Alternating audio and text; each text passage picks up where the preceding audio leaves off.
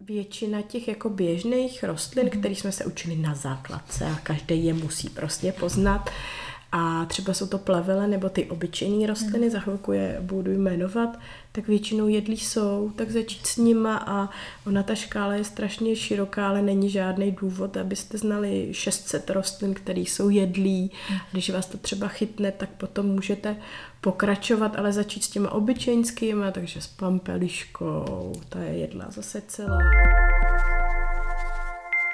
Ahoj všichni, tady Margit.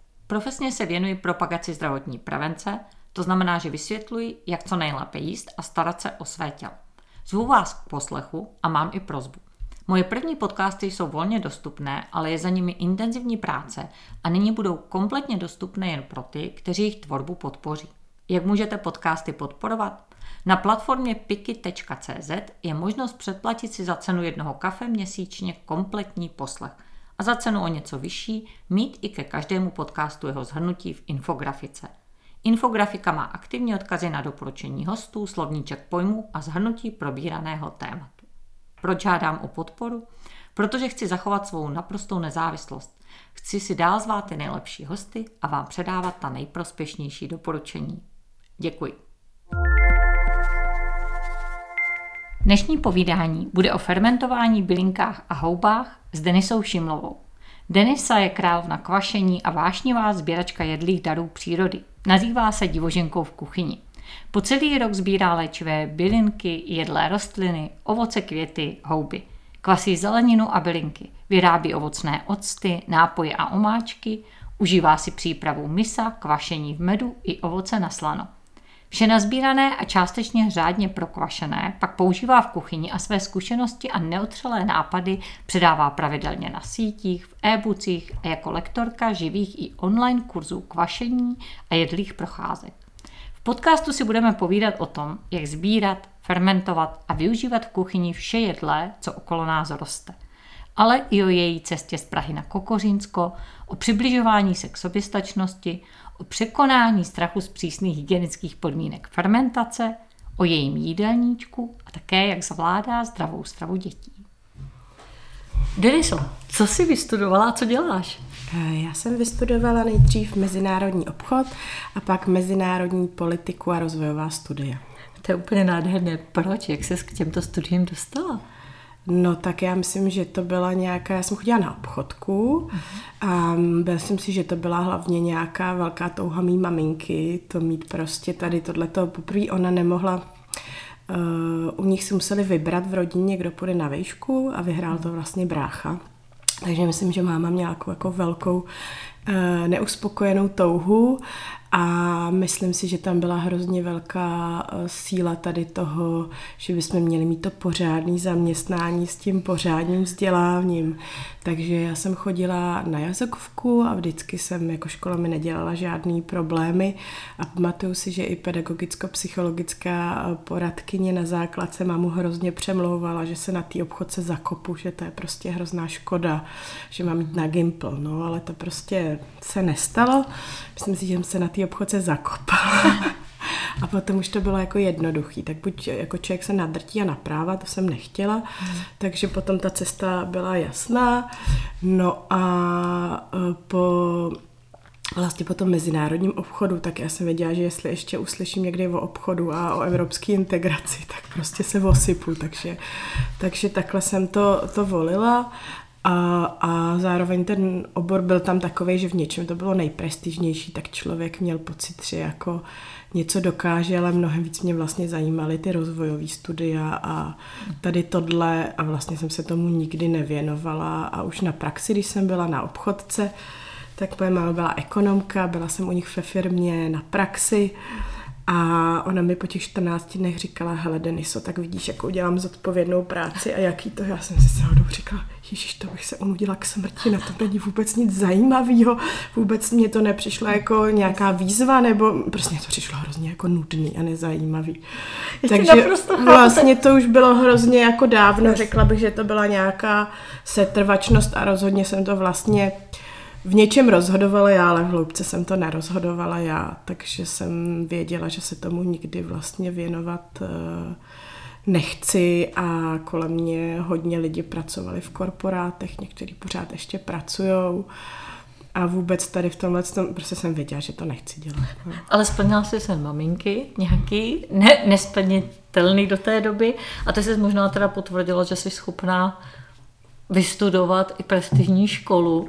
Jak tě vnímají dneska tví spolužáci, jak spolu vycházíte, jako sledují to, co děláš ty? Já vůbec vlastně nevím, netuším. Nejsme v žádném úplně jiné skupiny. kontaktu, takže vůbec, v jiných bublinách. No a tím, že já jsem chodila na VŠE a byla jsem Pražačka, jo. tak stejně většina spolužáků byly prostě nějaký náplavy, takže já jsem, jsem si tam moc žádný kontakty uh-huh. neudělala tím, že jsem pořád měla tu svoji pražskou skupinu Plus na té ekonomce se tam, já jsem tam chodila dost na divoko, mám pocit, a tam nejsou tak pevně daný ty věci a člověk si ten rozvrh, nebo za mě dělal sám, teď bych si typla, že to bude ještě víc, takže pak jsem se s těmi lidmi některými úplně přestala potkávat. Mm-hmm. No a s kterými se pořád potkávám, tak to jako vědí a vědí ty změny, není na tom nic eh, neočekávaného. Dobře, no tak já bych řekla, že to jsou naprosto jako neobvyklé změny a posuny obrovské. Eh, vím, že ještě v Praze si začala s něčím, čemu se říká společné nakupování. Jak jsi se dostala k tomu? A vlastně, co je dneska tvoje největší náplň práce, nebo co hodně mhm. děláš? Tak společný nakupování jsem se dostala k tomu tak, že já jsem vždycky hodně ráda vařila a když se nám narodila uh, první dcera, tak uh, jsem začala pít z chleba ve velkým. Hmm. A takže jsem schánila jako dobrou mouku a zároveň mě hrozně moc štvaly ty kilovky, protože jsem vždycky zadělávala víc než z kilovky a vůbec to bylo takový hodně ekologický období. Já myslím, že se to děje dost, dost všem. No, tak jsem schánila prostě nějakou lepší a tak a vlastně tím, že začali pít ty všichni kolem, tak jsme začali kupovat mouku zemlína. Takže ve velkým, buď do pytlu a pak jsme to doma, měli jsme celou třecíň úplně bílou, jak jsme to přesypávali a takhle, no a se na to uh, jiný suroviny a přišlo mi to zajímavé, že ušetří člověk strašně moc obalu, mm-hmm. kupuje to víc napřímo, může si třeba vybrat uh, tu kvalitu, jsou to věci, ke kterým se třeba vůbec jinak ani nedostane. Prostě pořád takhle něco nakupuju a dává mi to smysl, ale zároveň už se věnuju spousta jiným věcem, takže jsem to zase trošku utlumila a tenkrát jsem měla takovou jako velkou touhu, aby lidi o tom taky věděli a třeba je to inspirovalo. Takže jsi to začala sdílet už v té době, to začalo to tvé sdílení vlastně uh-huh. té tvé nové životní cesty, uh-huh. kde vznikla divoženka v kuchyni, to už v té době, anebo to byl další posun? No ono... Uh Divoženka v kuchyni vlastně vznikala souběžně s tím, aniž by se to tak jmenovalo, protože poprvý můj první nápad na to, jak se to společné nakupování mělo jmenovat, byla Divoženka nakupuje. A to mi samozřejmě všichni vymluvili, že to je prostě úplně hloupý název a, a že je to moc divoký a vůbec, tak jsem si nechala eh, teda říct, že, že ne. No ale jak jsem právě o tom psala, tak jsem zjistila, a mně se to vlastně děje i pořád s těma aktuálníma tématama, že já vždycky, když něco žiju, tak jsem, a něco se aktuálně děje, nebo je nějaká sezóna, něco vyrábím, tak jsem tím nadšená a jsem schopná o tom jako mluvit, ale jak to skončí, tak já už tom tu energii nemám. Mm-hmm. A takhle to bylo s těma nákupama, že já jsem udělala třeba velký nákup, já nevím, nějakých oříšků, mandlí od nějakého uh, přímějšího dovozce, třeba pro 10 rodin a bylo to jako pro mě velký, no ale za 14 dní už mě to jako ne nezajímalo, ale prostě už jsem v té energii nebyla, abych mm-hmm. to mohla tak jako nadšeně sdílet. No ale vlastně pořád jsem u toho psala, u toho, co dělám dělám, takže co sbírám, co vyrábím a tak. Takže jsem zjistila, že je to pro mě mnohem nosnější téma, který ty lidi asi zajímalo i víc a tak se to postupně přehoupávalo. No a a potom jednou, když jsem nějak eh, se jako víc, víc to jako řešila, eh, jak o tom psát a jestli o to lidi mají zájem a jestli se z toho dá něco vymyslet, tak mi jedna uh, žena, která tenkrát začínala s nějakýma marketingovými věcma, tak říkala, hele Deniso, na to, když se tě něco kdo zeptá, tak ty to musíš čtvrt hodiny vysvětlovat, co to je. Jo. Co tím, co když řekneš nějaký sběr nebo kvašení, tak všichni vědí, co to je, vědí, k čemu to je. A je to takový jasný a to pro mě byl opravdu nějaký velký signál, že to, že to nedává smysl za tím, co tady tohle mě eh, a pořád kolem toho kroužíme, takže ty sběry, kvašení a zpracování všeho možného i nemožného jedlího vlastně mě sytí celý rok. Teď se myslím jako nejen, obra, nejen eh, doopravdy, ale i obrazně něco, co je pro mě fakt nějaký nevyčerpatelný zdroj inspirace a té energie. Uh-huh. A tam je jako obdivuhodné nebo zvláštní, že ty jsi začala s těma sběrama už v Praze. Jako uh-huh. Tady ti často slyšíš takové ty nářky někdy Pražáků, že tak to vy na té dědině, vy si můžete sbírat, ale my tady nic nemáme, my nic nemůžeme, my jsme závislí málem na těch supermarketech že uh-huh. a na těch farmářských trzích jsou ti podvodníci a tak dále. Jo, jako takové to vymýšlení, proč jak to nejde. A jako je obdivuhodné, že ty jsi došla na to, jak to jde v Praze, jako jak jsi začala se sběrama v Praze, jak tě to napadlo, měla jsi nějaký vzor, anebo fakt si se do toho dala úplně sama, že jsi začala studovat, co kde roste, objevovat a pak to studovat, jak se k tomu dostala? Tak mně ještě došlo, že jsem vlastně nedopověděla tu divoženku, že potom no. vlastně, když jsem se rozhodla předsvaknout tady ty témata, tak už jsem se nikoho neptala. Prostě jsem z toho tu divoženku udělala. No a k tvý otázce, tak uh, moje maminka byla ze Slovenska a sbíraly se tam klasické bylinky. Nic jako neobvyklého, ale takže v dětství, od dětství jsem to, já jsem to zbožňovala. Vždycky jsem to zbožňovala a hodně mě to bavilo a my jsme měli chatu pořád máme kousek od Prahy, takže tam jsme taky sbírali a mně to přišlo nějak všechno přirozený. A asi kdysi dávno mám mě někdo řekl, že roste v zahradě kínských eh, česnek medvědí, což teda mm, je česnek podivný, ale to nevadí, ale byl tam nějaký takovejhle impuls a vím, že jsme na něj chodili a všude jsem to nosila a všichni se divili. A mě opravdu to téma asi až na nějakou silnou pubertu nikdy neopustilo. Takže já si pamatuju, že když jsem chodila na tu VŠE, tak jsem chodila v Praze k vodárně do knihovny, to byla moje první a nejoblíbenější knihovna a počovala jsem si knížky o jedlých rostlinách. Mm.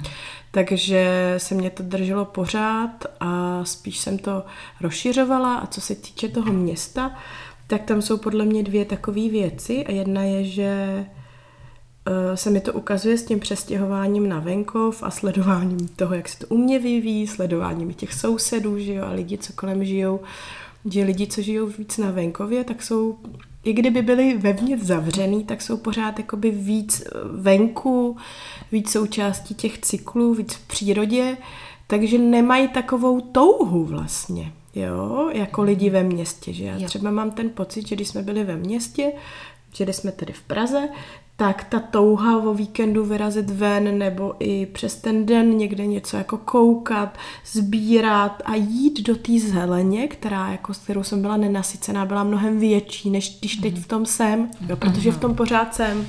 A uvědomila jsem si třeba na tom, že já jsem vždycky strašně moc kytek pěstovala, jo. Měla jsem pokojovek, plný byt a za parapetem jsem měla 15 druhů bylinek a na zasklený loďi 30 krajčat a všeho tady tohle a toužila jsem po té velké zahradě a zjistila jsem, že se mi třeba tato potřeba dost nasytila právě tím, že se mhm. venku a v té zelení. Jo. Jasný. Ale zpátky k té otázce.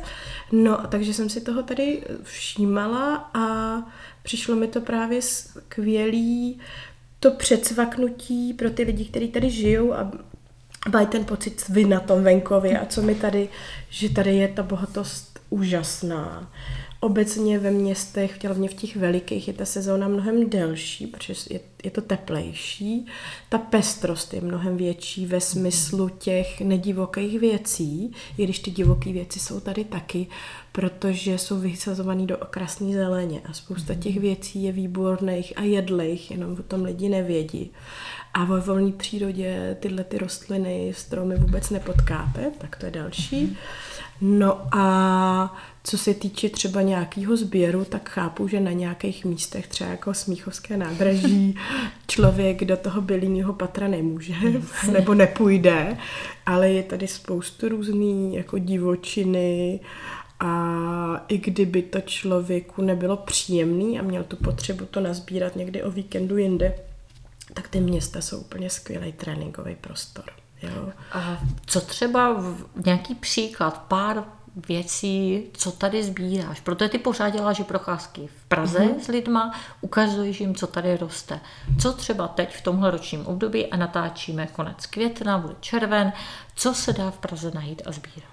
Tak asi teď přemýšlím, že sezóně nic neobvyklého není, co by se nedalo jinde, ale tak určitě černý bez, to je, uh-huh. to je jasný. Ten jsem taky v Praze sbírala i na syrup, i na jiné věci. A teď začínají růže, šípkový růže, Co s normální se dá růže. Dělat? V kuchyni? Z růže, růži se dá dělat normální čaj, sušit na nějaký navonění, na pleťový oleje, do koupele, dá se dělat růžová sůl, je nejlepší, když vezmete ty čerstvé okvětní plátky a rozmixujete to se solí, protože ono vám to vlastně tu vlhkost, nasákne. tu vůni nasákne, pak to dáte usušit. No a potom se s tím dají vyrábět um, variace na černý čaj, takže oxidovaný čaj a potom to můžete přidávat do různých limonád, teď růže dát jenom do vody macerovat, to je taková nejvděčnější záležitost na květy. Vypadá to nádherně, ta voda je jemně ovoněná a nestojí vás to vůbec žádnou, žádnou energii. No a potom určitě se dají dávat třeba růžové plátky do medu a potom už různý takové podivnosti. Takže to je úplně úžasné. Eh, myslíš si, že po celý rok v podstatě se dá tedy i v Praze nebo vůbec kdekoliv v přírodě něco sbírat? Určitě. Určitě. Jsem přesvědčena. Pojďme k tomu. Eh, co vlastně, kde bereš ty recepty, podle čeho vaříš, podle čeho zkoušíš, jak ta inspirace? Protože to, co si teď vyjmenovala třeba i s těma růžema, to je spousta věcí, které běžný člověk běžně nedělá. Mm-hmm. No mně přijde, že celkově ale to podle mě záleží na tom, jaký je kdo kuchař. Mm-hmm. Jestli je spíš ten, jako že potřebuje přesně mít jasný ingredience, přesný postup, nebo je ten spíš takový intuitivní. Já jsem ten intuitivní typ a z mýho pohledu hm, jsou recepty skoro nesmysl. Jo, mně přijde, že jde o ty postupy a techniky a vy, když si je naučíte, tak potom už pokud máte fantazii, což ne každý eh, je mu to vlastní, tak se s tím můžete krásně hrát. A já si pamatuju, že mě jídlo vždycky hrozně zajímalo a kupovala jsem si časopisy o jídle, četla jsem foodblogy tak mě třeba ty časopisy v jistý moment, asi po dvou letech úplně přestaly bavit, protože jsem zjistila, že je to vlastně pořád to stejný. A když já umím udělat pesto, tak umím udělat bazalkový pesto, koriandrový pesto, bršlicový pesto, tymiánový pesto, protože je to pořád to stejný, stejně jako když se dělá nějaký kary nebo guláš nebo ragu, tak to je úplně stejná úprava, jenom se tam vyměňují ty ingredience, že vlastně, je to přišlo jako nuda, jo? že jako vlastně co, co novýho tam dát. Takže eh, zpátky k tomu, takže pro mě jsou mnohem zajímavější ty postupy. No a potom různě něco jako uh, mám nějaké knihy, takový fermentačně sběračský, podivný, něco jako u nějakých běžných receptů mě něco zaujme, hodně sleduju nějaký zahraniční zdroje a tak různě. Takže a to dáváš dohromady? Dávám úplně... dohromady a asi se jako nebojím něco zkoušet. Já jsem takový experiment. Hmm. Inspirace, experimentování. Hmm, a to experimentování, že se toho nebojím. A i když se učím třeba novýho, tak i mentálně si to tak říkám, že že jako si jdu hrát, nebo že právě je to experiment, protože když řeknete rovnou, já jdu udělat a musí to být perfektní, tak člověk je pak zklamaný. Zatímco když řekne, že je to nějaký experiment, tak tam pořád jako je tam možnost, že chybovat. se to přesně tak nepovede. No, to se mi líbí u tebe. Že jsme svázaný hodně moc tím, že, že to tak. musí být nějak jako dobrý a přijde mi, že že je to jenom eh, vlastně hra, jo, a že i ta, tou chybou se člověk poučí a většinou ty ingredience, tak jediná ta největší investice je ta citová, ale jinak vlastně o nic nejde. Naprosto souhlasím. Mně se líbilo, jak ty si jednou napsal, to tady asi cituji, chyby jsou součástí procesu učení, takže když se něco nepovede, není to ukázkou toho, jestli je v tom člověk dobrý nebo špatný. Platí, že základní princip je třeba dodržovat a v nejhorším případě se nakrví kompost nebo záchod. Přesně tak. To Větší důsledky to nemá. Eh, Já myslím, že obrovský posun nas- na, nastal eh, s vaším přestěhováním na Kokořínsko, je to tak? Jak vůbec tohle jako rozhodnutí přišlo? Ty jako rodilá Pražečka, že jo? Většina z nás se spíš stěhuje do té Prahy a ty jsi to udělala úplně naopak. Takže jak přišlo to rozhodnutí, kde jste se roz, eh, přestěhovali a jaký to znamenalo posuny v té profesi? Mhm. Tak eh, u nás to vlastně nebylo žádný překvapivý rozhodnutí. Můj muž je taky Pražák z Prahy, my nejsme ani žádný náplavy. A ta touha byla asi dlouhá, dlouhá eh, a tak se to jako postupně transformovalo, že nejdřív jsme si mysleli, že zkusíme najít něco na vlaku u Prahy, to jsme zjistili, že je těžký najít a že to neuplatíme, tak jsme potom hledali dál, že si pořídíme chalupu jako chalupu, no a nakonec jsme přišli na to, že chceme chalupu na bydlení. A hledali jsme podle mě 6 let, jo, hmm. ale za tu dobu se to teď teda trochu, trochu měnilo a uh, jsme tam, kde jsme díky tomu, že já už jsem byla teda hrozně netrpělivá, já bych koupila už deset nemovitostí předtím, ale můj muž je v tom mnohem rozumnější a trpělivější a zároveň mm, vždycky řekl takovou jako věc, hele Deniso, ale tady za dva roky postaví dva kilometry odsaď dálnici, nebo pamatuješ, tam to okolí je hrozně hnusný, nebo tam je to úplně rovný, nebo tady je to krásný, ale víš, že jsi chtěla vždycky pěstovat a tady nic nevypěstuješ, protože je tam zima. No, takže takhle se to vyvíjelo a už uh, jsem byla teda strašně netrpělivá, mně už prostě přišlo, že s tím musíme něco udělat. Vlastně ten rok, kdy jsme si řekli, že si teda zkusíme někde ve Středohoří nebo někde pronajmout dům a pak se uvidí, tak se to vlastně celý tak jako krásně semlelo a ten dům vůbec nebyl tenkrát na prodej a dozvěděli jsme se o něm přes kamarádku. Mm-hmm. No. Takže jsou to spíš takový postupný krůčky.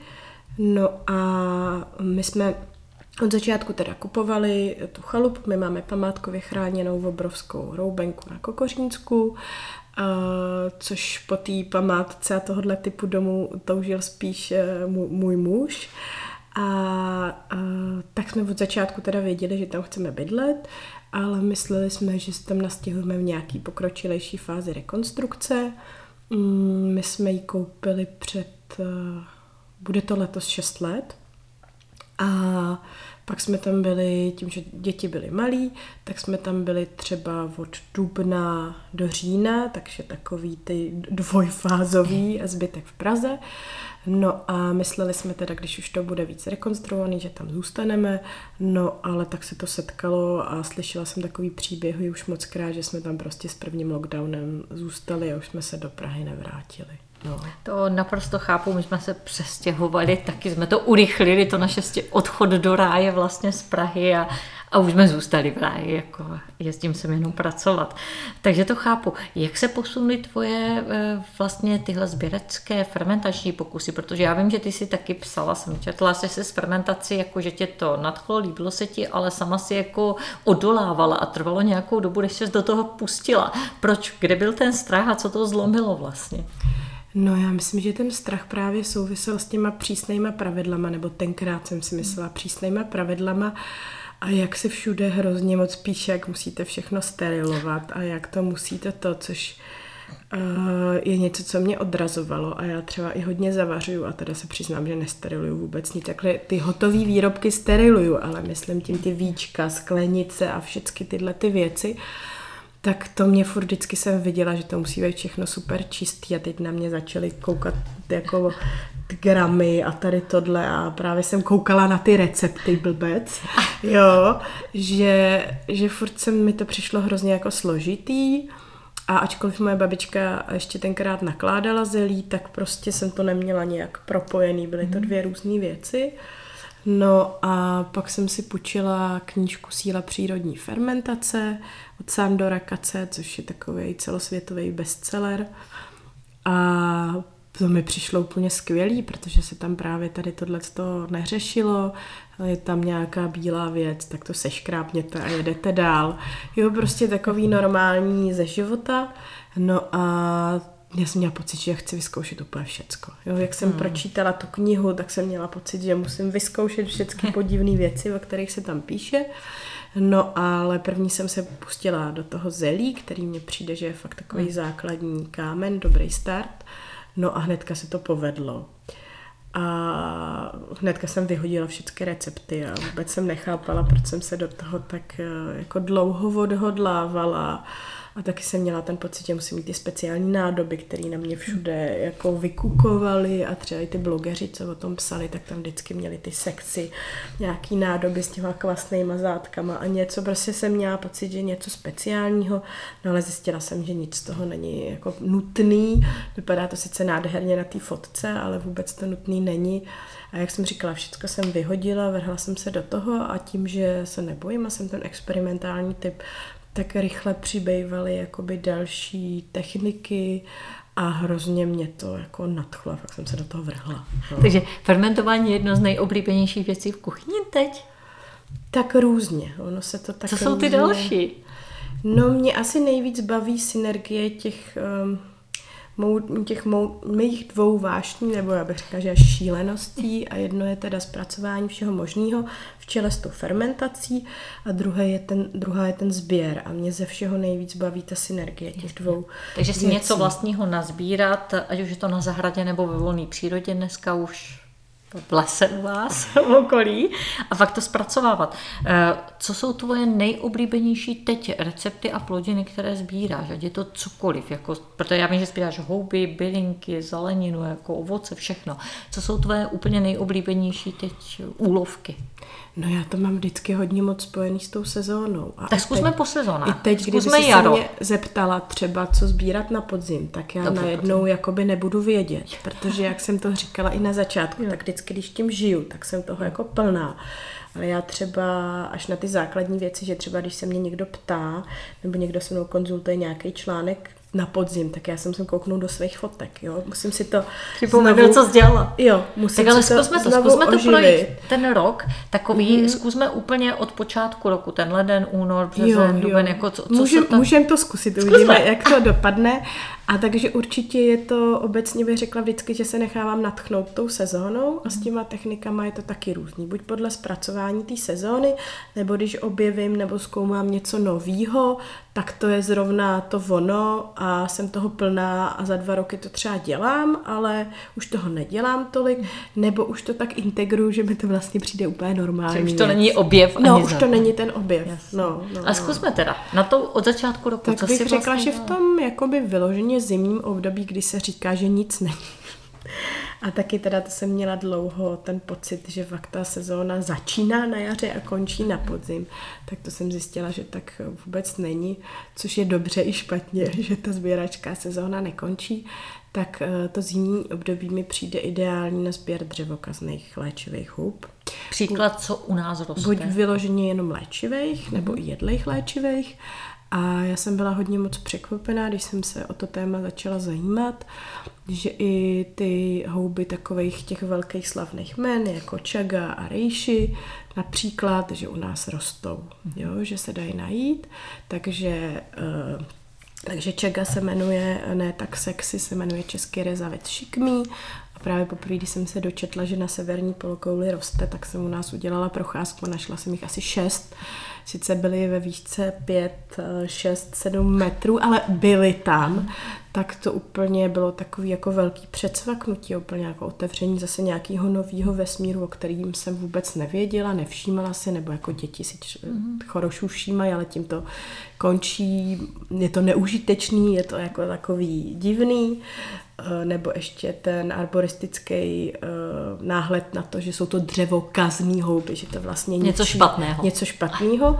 Takže to byl opravdu veliký objev a zjistila jsem, jaký fantastický účinky mají, jak je to hodně dlouho zkoumaný, samozřejmě jako východní medicínou, respektive tam to není zkoumaný, tam je to užívaný, ale že to potvrzují právě i nové studie a že i v západní medicíně se tyhle ty houby na různý léčení, včetně třeba věcí kolem rakoviny používají.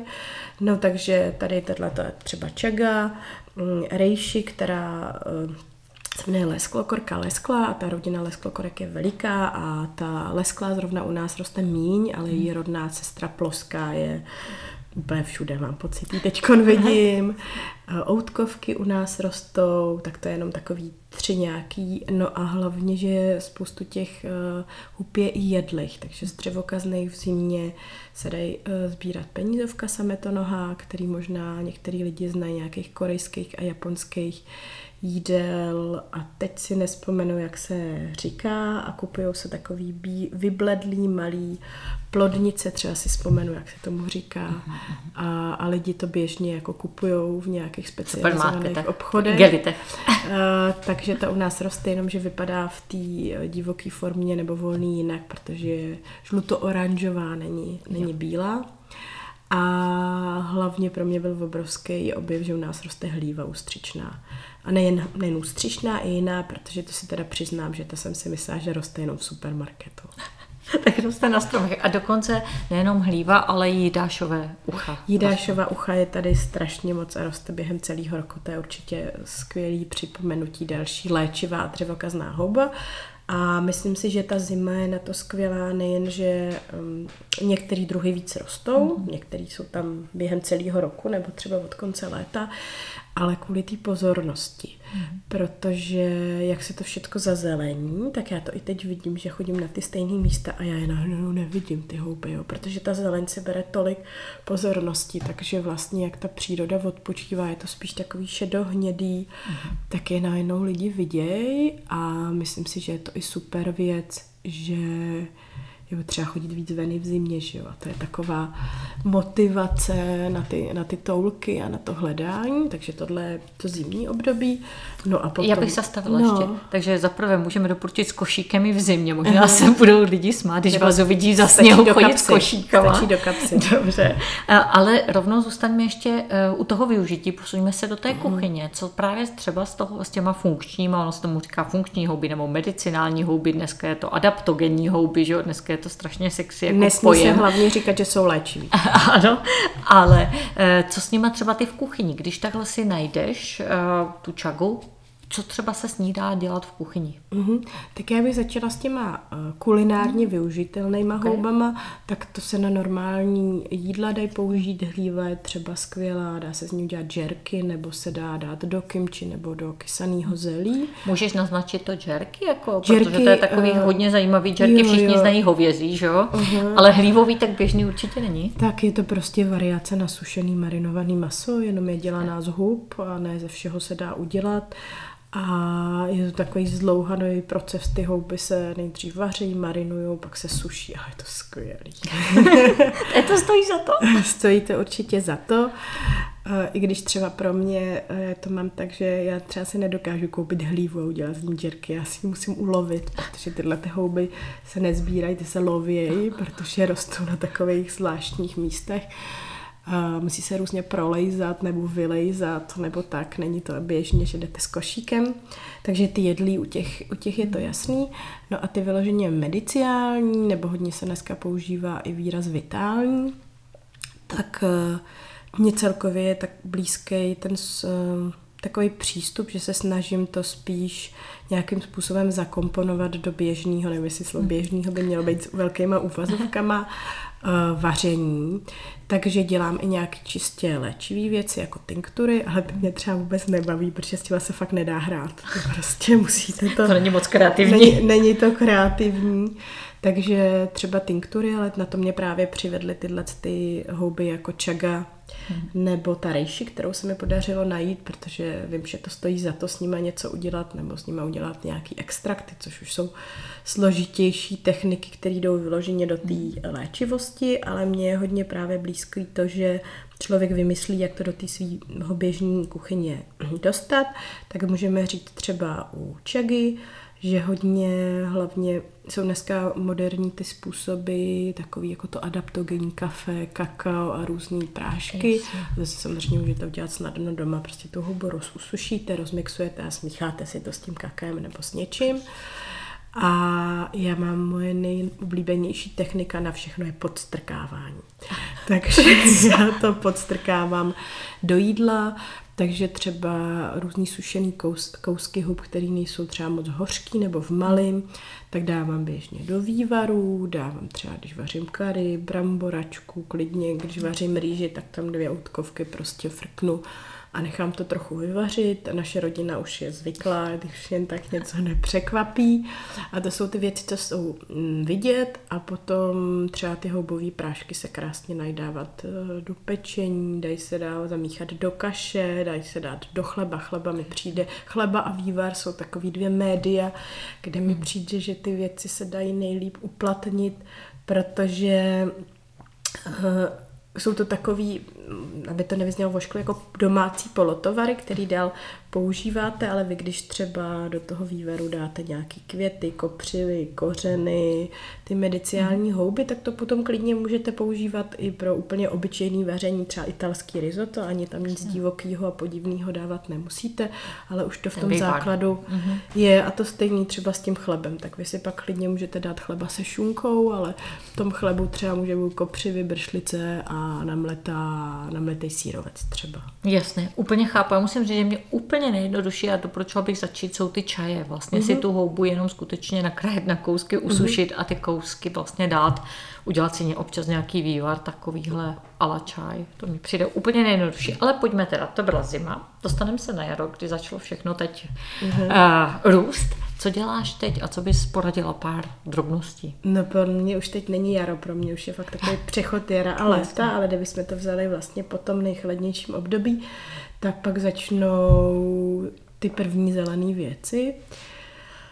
A to mně přijde, že to je takový krásný období, kdy teda většina lidí ještě neví ani, že něco roste, ale já jsem teda už hodně natěšená a vždycky to mám spojený s tím, že si říkám a hodně o tom přemýšlím s tím sběračstvím i s těma celkovýma jako mm, věcma, co člověk pěstuje nebo konzervuje, hmm. že my pořád máme jako na výběr, jo? že my to jenom děláme, že je to buď nějaká naše vášeň, nebo pro radost to děláme, mm. ale že si pořád můžeme vybrat, že my když to neuděláme, tak se vlastně vůbec nic nestane a můžeme si to krásně koupit.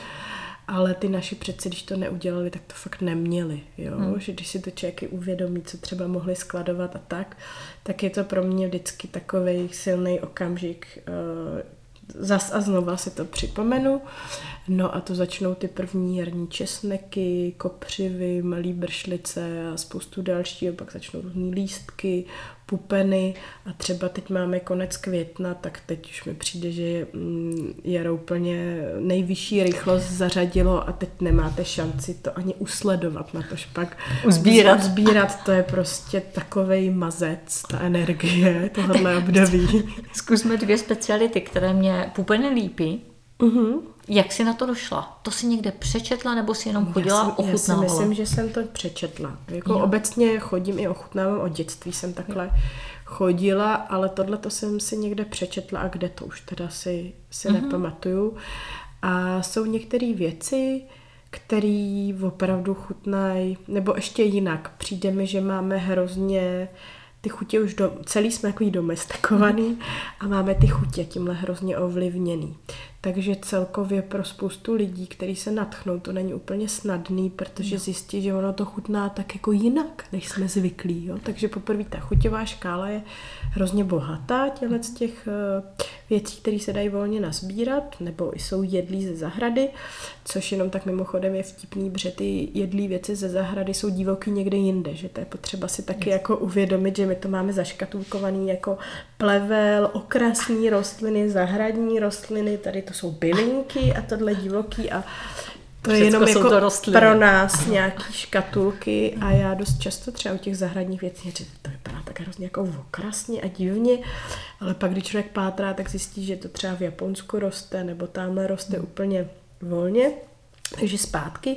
Takže k těm chutím, že je fajn pro začátečníky zkoušet něco, co je chuťově neutrální, jemný, nebo právě těm našim zmlsaným jazyčkům takový uh, bližší, a což třeba tady ta uh, lípa je, protože někdy ty chutě jsou moc hořký, moc hmm. kyselý, moc bohatý, moc zvláštní a lidi vlastně vůbec nevědí, co si s tím počít nejen v té kuchyni, ale mně přijde, že i mně se to takhle stane, když eh, třeba něco úplně nového ochutnám, nebo ochutnám výsledek nějaký nový fermentační techniky, tak ten mozek neví, co si s tím má počít, protože to je taková Tak neobvykle. Jo, jo, jo, jo, jo, že to je takový fakt out of box. I, i pro ty chuťové buňky, že člověk vůbec neví, co s tím. A uh, co, co bych řekla jako hlavní věci na jaře, ty, ty ta lípa je určitě skvělá. A proč jíst? Zkus, abys lidi nalákala. Je to děsně dobrý. Děkuju. Je to jemný, ano. výborný, pupeny, nebo takový ty pukající pupeny, nebo mladý, průhledný lístky, salát je to. Hmm.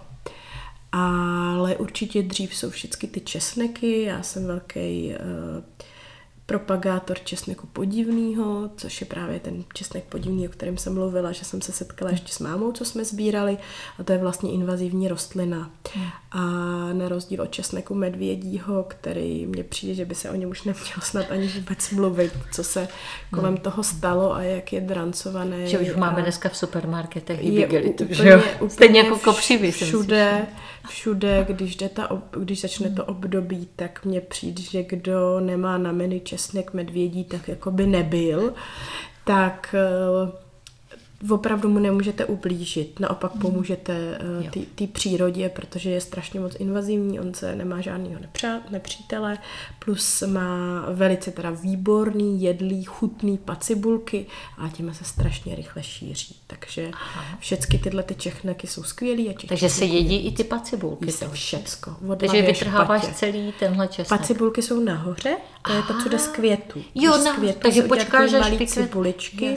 A já osobně mám ráda od začátku, třeba od února, když začíná rašit, ale ještě touhle tou dobou v Praze už ne, ale na nějakých stinných místech, třeba my ho máme u nás na vesnici, někdo ho tam zavlek, tak zůstávají ještě ty stvoly s těma pacibulkama a to jsou moje teda nejoblíbenější části té rostliny. Jsou to takový malý pedličky zelený a chuť bych připomínala nějakým jemným mladým cibulkám, nebo když si mhm. někdo kupuje ty perlový cibulky, tak takhle, takže určitě všechny možný česneky a říkám, není zase ta sezóna, tak já už zase nevím, hele.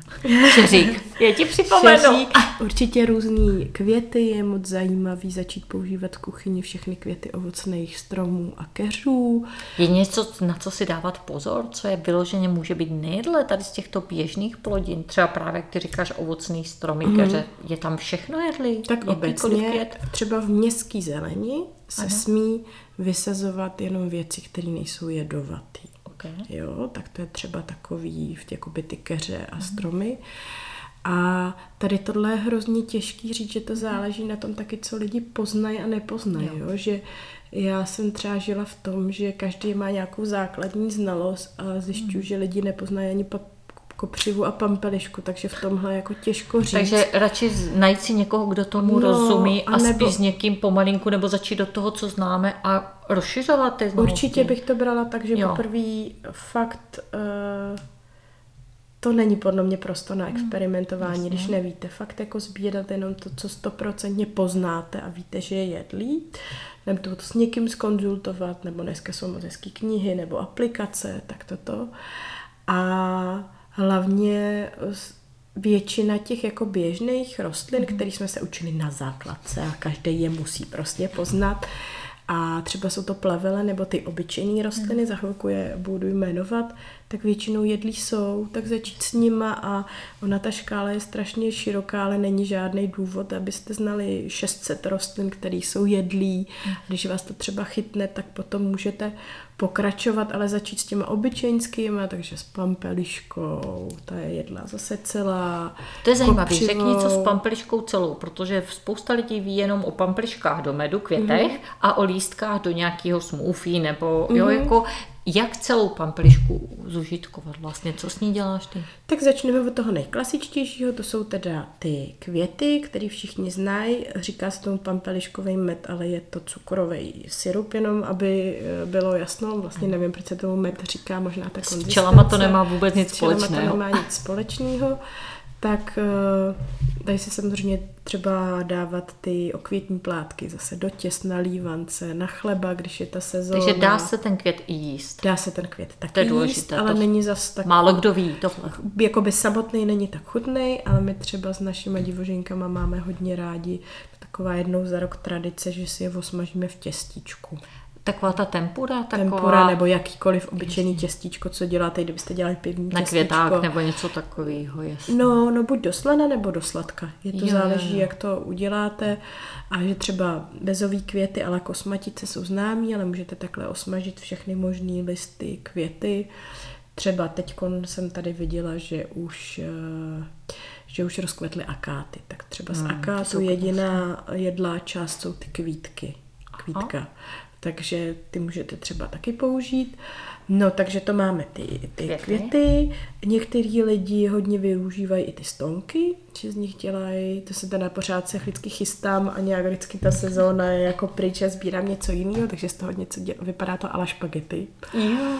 No a co se týče těch listů, tak to je nejlepší brzy z jara, kdy oni ještě nejsou tak hořký, protože jsou čím dál tím hořčí, nebo je opakovaně blanšírovat, nebo normálně namáčet ve studené vodě a vylejvat, aby ty hořčiny šly pryč, protože to je právě to, že ty naše jazyčky už nejsou zvyklí. Ale zase na druhé straně tyhle hořké látky jsou ty efektivní účinné Určitě a jako, i to souvisí v tom koloběhu s tím jarem, to dává smysl, ale je to i hodně kulturní záležitost, protože třeba ve Francii, v Británii normálně na trhu pampeliškový lupení na jaře uh, Jo. prodávají a u nás se jakoby na to zapomnělo, Mhm. takže to se dá uh, normálně s tím vařit, nebo se to dá dávat do salátu, můžete si to, jestli je to na vás moc hořký, ale je to legrační, že lidi si třeba kupou čekanku, která je extrémně hořká, ale tady tyhle ty divoký hořký jsou pro ně divný, tak si to míchat s něčím, buď sladkým ve smyslu osmažená cibulka, že vám to vyrovná Nebo chuť, jabko do salátu, hrušku nebo do salátu. do salátu, jasně. nebo nějakýma jakoby běžnýma salátovkama kousek,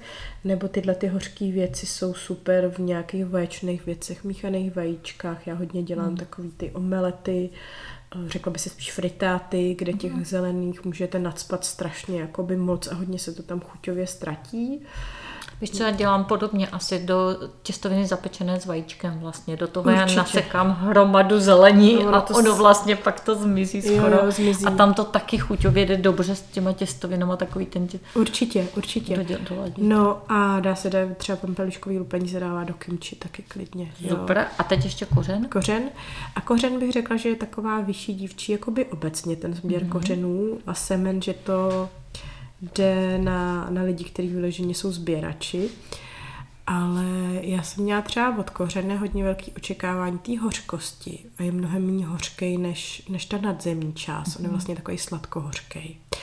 Takže můžete ho požírat jenom tak, můžete ho používat k běžně jako zelenině, třeba do té bramboračky, nebo vždycky je potřeba to přizpůsobit tomu, co děláte. Jo, že mně přijde, nebo spíš to řeknu, dořeknu kořen a řeknu tady s tím zaváním divokých věcí do kuchyně. Takže užírat jsou z toho moc dobrý čistící čaj, právě takový hořko, uh, hořko sladký a jinak taková tradiční, velice uh, meditativní a pracná úprava je výroba pampeliškové kávy, kterou teda já Co musím musí říct. usušit, upražit, rozemlít, No, to, je to tak že nějak. si ještě přeskočila nějaký jako další fáze. Tak ve zkratce. Tak Tak ve ve je to zkratce složitější a u ne, se není to složitý, je to pracný. Jasně. Uh, protože se musí ty kořeny vyrejt. Musí se vyrejt, musí se omejt Očistit. od té hlíny, to je asi ta nej jako větší práce, takže někdo to škrábe ty větší, ale já třeba používám rejžák a to je taková jako meditativní práce a je to i hezký si to na tom uvědomit, uh, že když na tom dvě hodiny pracujeme, tak máme potom třeba na tři kávy, že jo, jak člověk celkově jakoby zvyklý, že ty věci si někde koupí a nevidí všechnu tu práci a pohyb zatím, takže a potom už ty kroky, co si říkala ty, že se to usuší, opraží, rozemele a pak se to normálně zalejvá vodou a mně to třeba přijde opravdu lahodný hmm. a plus se to dá smíchat s těma houbama a máte Medicinálníma, jasně. medicinální, adaptogenní, hyperlokální, divoký kafe. Přesně tak. Který teda, já se přiznám, že kafe nepiju, tak aby tam nebylo to očekávání, ale je ze všech těch mm, alternativ, u kterých člověk, protože je to kávovina nebo jako kafe, tak má právě to očekávání a je tam ta frustrační kompozice, eh, tak eh, je to tomu té kávě nejvíc podobné, je to opravdu lahodné. Chuťově asi ano. Chuťově ano. Souhlasím. Chuťově ano. A jinak, co vlastně jsem chtěla říct, přerušila jsem to tím, že mně přijde těch nových věcí a je to asi jedno, jestli je to úplně běžná mm, nová surovina, já nevím, třeba kino a pohanka, co lidi běžně mhm. nepoužívají, nebo je to nějaká divokost, nebo je to nějaká kvašenost, tak mně přijde, že fungují takové dvě strategie. Jedno je buď, že to začnete v malém přidávat do svých běžných jídel, ale ne tak, aby to strašně moc ovlivnilo tu chuť, protože samozřejmě všichni členové rodiny jsou zvyklí na ty svoje oblíbené a když jim tam začnete něco divného strkat, tak nejsou spokojení a třeba postupně navyšovat to množství. Takže u těch zelených věcí je to jednoduchý. Dali byste na konci hrst petrželky nebo majoránky nebo něčeho, tak dáte hrst kopřiv a bršlice. Je to vlastně pořád to stejný.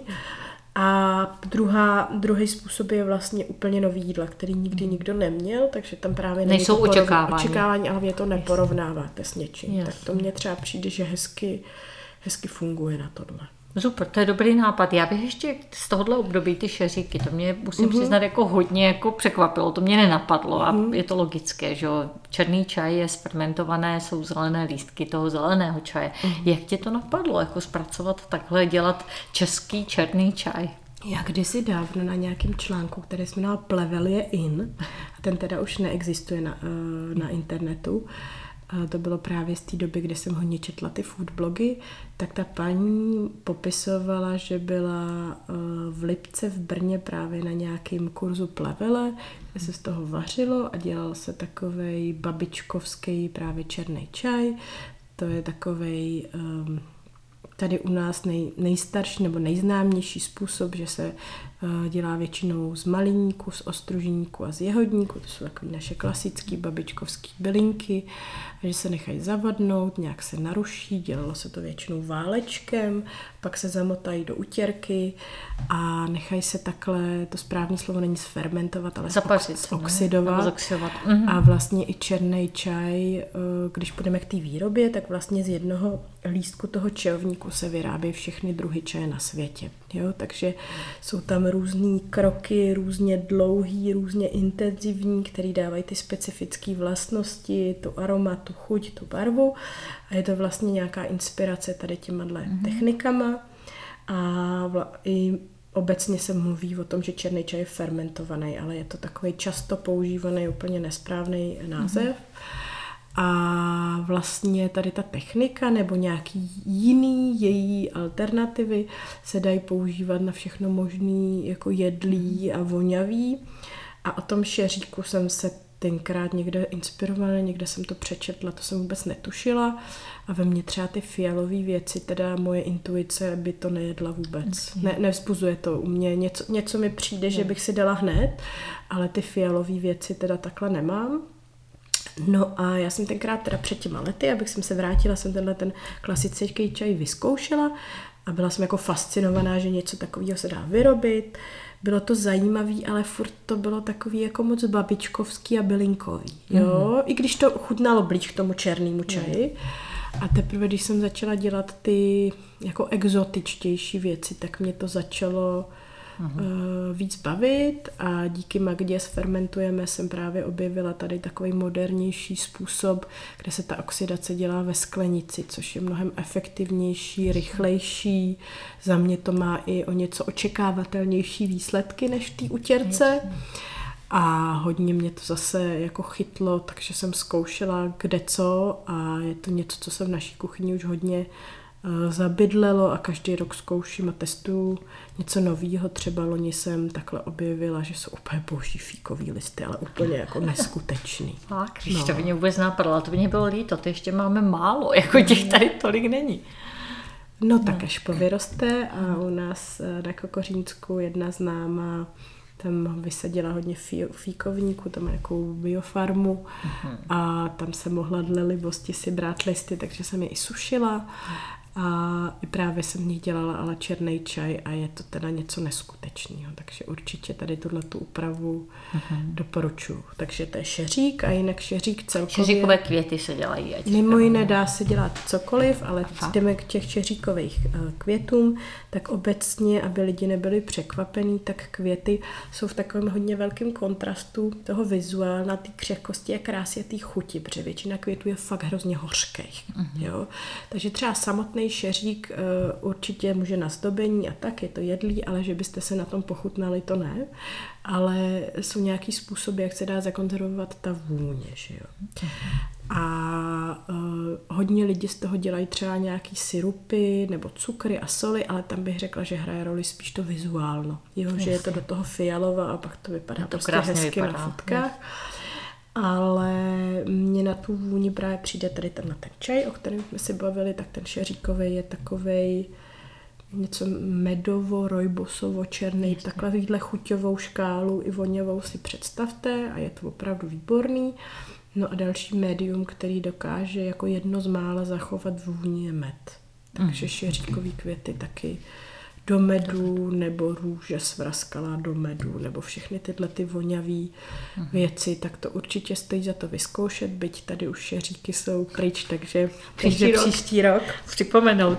Eh, mě teď jsem si uvědomila, jestli ten šeřík a vůbec tohle dozdobování těmi květy, které mají i trošku hořkou chuť těch dezertů, jestli vlastně nemůže mít správný jako fyziologický efekt, protože ta hořká chuť je trochu stahující a vlastně potlačuje chuť na ten cukr. Uh-huh. Takže jestli na to nemůže omezit mezi to přejídání si, jestli dáme ten jeden dezertík a možná nám to bude stačit. To, to netuším. To mě teď napadlo vlastně. Netuším dost často ty věci, že jo, mají nějaký hluboký smysl, ale co já jsem tak viděla s těmi jedlejma květama, tak to většinou probíhá tak, že lidi to takhle vemou, sundají, dají vedle a rozhodně to nejedí. nejedí. Tak doporučujeme jíst jako určitě. květy určitě. A co v restauracích a všude vám dávají jako jedlý květy, tak ty jsou doopravdy jedlý, takže není to jenom moc Nemohli by jinak na to jídlo vůbec jít. Jasný. No. Děkuji za poslech. Tímto končí volně dostupná část rozhovoru. Následuje bonusová část pro podporovatele. Budu ráda, když se mezi ně přidáte. Na platformě piki.cz lomítko Margit můžete vybrat možnost, jak tvorbu mých podcastů podporovat. Moc děkuji.